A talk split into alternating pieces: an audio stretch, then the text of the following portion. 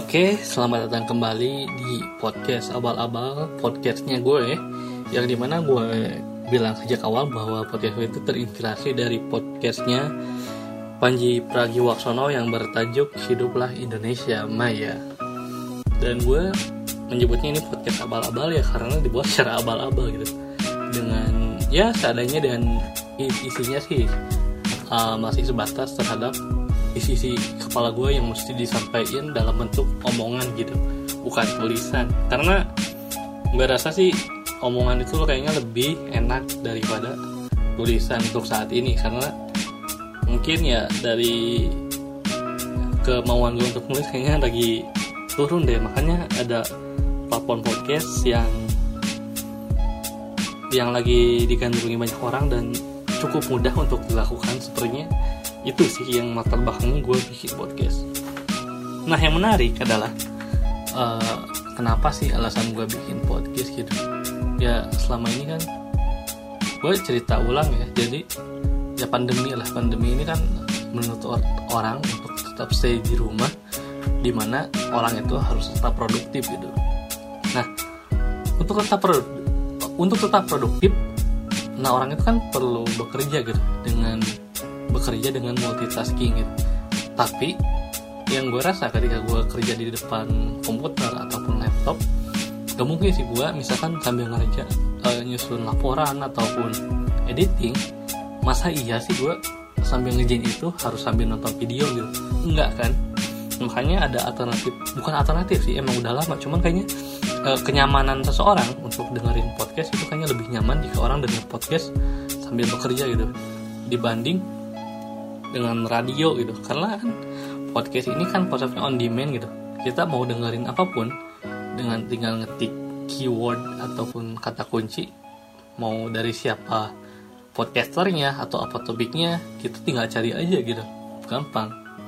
Ya yang gue dengerin sih banyak kan ya podcastnya Panji Makna Talks Box to Box ataupun podcast-podcast lain yang isinya udah punya nama lah di udah punya pendengar tetap lah pendengar setia di Indonesia gitu.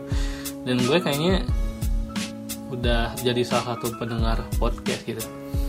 Dan karena kebetulan gue kuliah di komunikasi jadi salah satu dosen gue itu pernah ngerangin bahwa radio itu tidak pernah akan hilang selama orang masih mengendari mobil karena apa? Ya balik lagi ke alasan gue yang tadi jelasin tadi.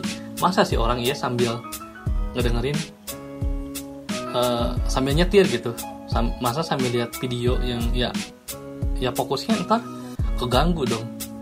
Ya itu sih logikanya kayak gitu logika sederhananya ya. Nah uh, selain itu podcast. Kenapa podcast? Karena podcast itu adalah sebuah revolusi dari radio gitu di mana uh, suatu tayangan radio sebenarnya konsepnya sama cuman on demand tadi kayak misalkan kayak TV on demand kayak di sebutlah salah satu aplikasi penyedia layanan televisi yang untuk bisa diputar kembali gitu. Nah ini radio juga kayak gini konsepnya dan itu namanya podcast. Dan gue dengerin podcast juga banyak manfaatnya sih kayak misalkan dari apa pun yang gue dengerin itu pasti jadi suatu pengetahuan baru gitu bagi gue. Nah uh, gue tadi sih dengar dari si siapa sih namanya? Yes ya Yes Lawrence dari foundernya Magna Talk bahwa podcast itu sejarahnya dimulai pada tahun 2001 ketika orang ketika masa itu orang tuh masih menggandrungi produknya Apple iPods gitu. Ya masa sih sih produk Apple gak digandrungi? Ya iPod iPhone itu kan salah satu produk unggulannya Apple pada saat itu. Dan di mana podcast itu adalah salah satu percobaan untuk mengetes dari audio dari iPod tersebut apakah bagus atau enggak tanpa melalui internet. Jadi podcast itu dulu itu tujuannya hanya sebatas itu loh. Sampai akhirnya berkembang berkembang sampai akhirnya sekarang eh, menjadi suatu bisnis yang menjanjikan di masa depan selain dari AdSense-nya itu. Nah, kenapa gue bilang ini? Karena gue juga karena gue juga ngikutin uh, isu-isu tentang podcast dan di mana influencer-influencer podcast ini juga menyampaikan uh, apa namanya perkembangan dari dunia podcast kayak misalnya yang gue sudah bilang pada podcast sebelumnya bahwa itu seorang podcaster Amerika itu dikontrak men oleh Spotify di mana nilai kontraknya itu hampir kalau dirupiahin itu nyampe sampai 23 M men. Kontrak dari Spotify untuk bikin platformnya di Spotify.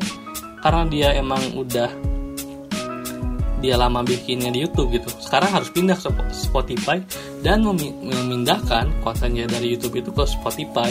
Jadi orang-orang yang biasa nonton uh, sorry so uh, ya pokoknya suka menyimak konten dari Jorogen akan pindah ke YouTube buat dengerin Jorogen. Jadi Jorogen ini tidak dapat didengarkan lagi secara resmi di YouTube gitu. Jadi otomatis lah uh, YouTube kehilangan pendengarnya atau penikmat setianya Jorogen dan pindah ke Spotify.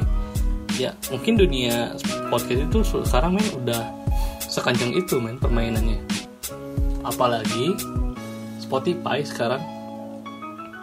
Banyak sih uh, istilahnya uh, kontrak para pegiat podcast atau podcaster podcaster yang sudah punya uh, sendiri gitu udah banyak pendengar sendiri untuk mengisi di Spotify tanpa mengisi di platform lain sehingga uh, ke depannya Spotify itu akan merajai dari segi platform audio gitu. Dan apalagi gue dengar kabarnya kalau Spotify itu di masa depan akan main juga di ranah video gitu. Jadi jadi pesaingnya YouTube kan itu ngeri juga men ya diawali dengan podcast selalu main video terus nyanyiin YouTube yang duitnya udah gede-gede banget tuh. Ya jadi ngeri juga sih men. Ya mau nggak mau kita harus bersiap ke arah sana gitu. Di mana sedikit-sedikit orang nyobain bikin konten eh, podcast pembahasan apa yang menarik dan jadilah konten. Ya itu sih alasan podcastnya sederhana sih nah gue lihat seperti itu untuk perkembangan dari podcast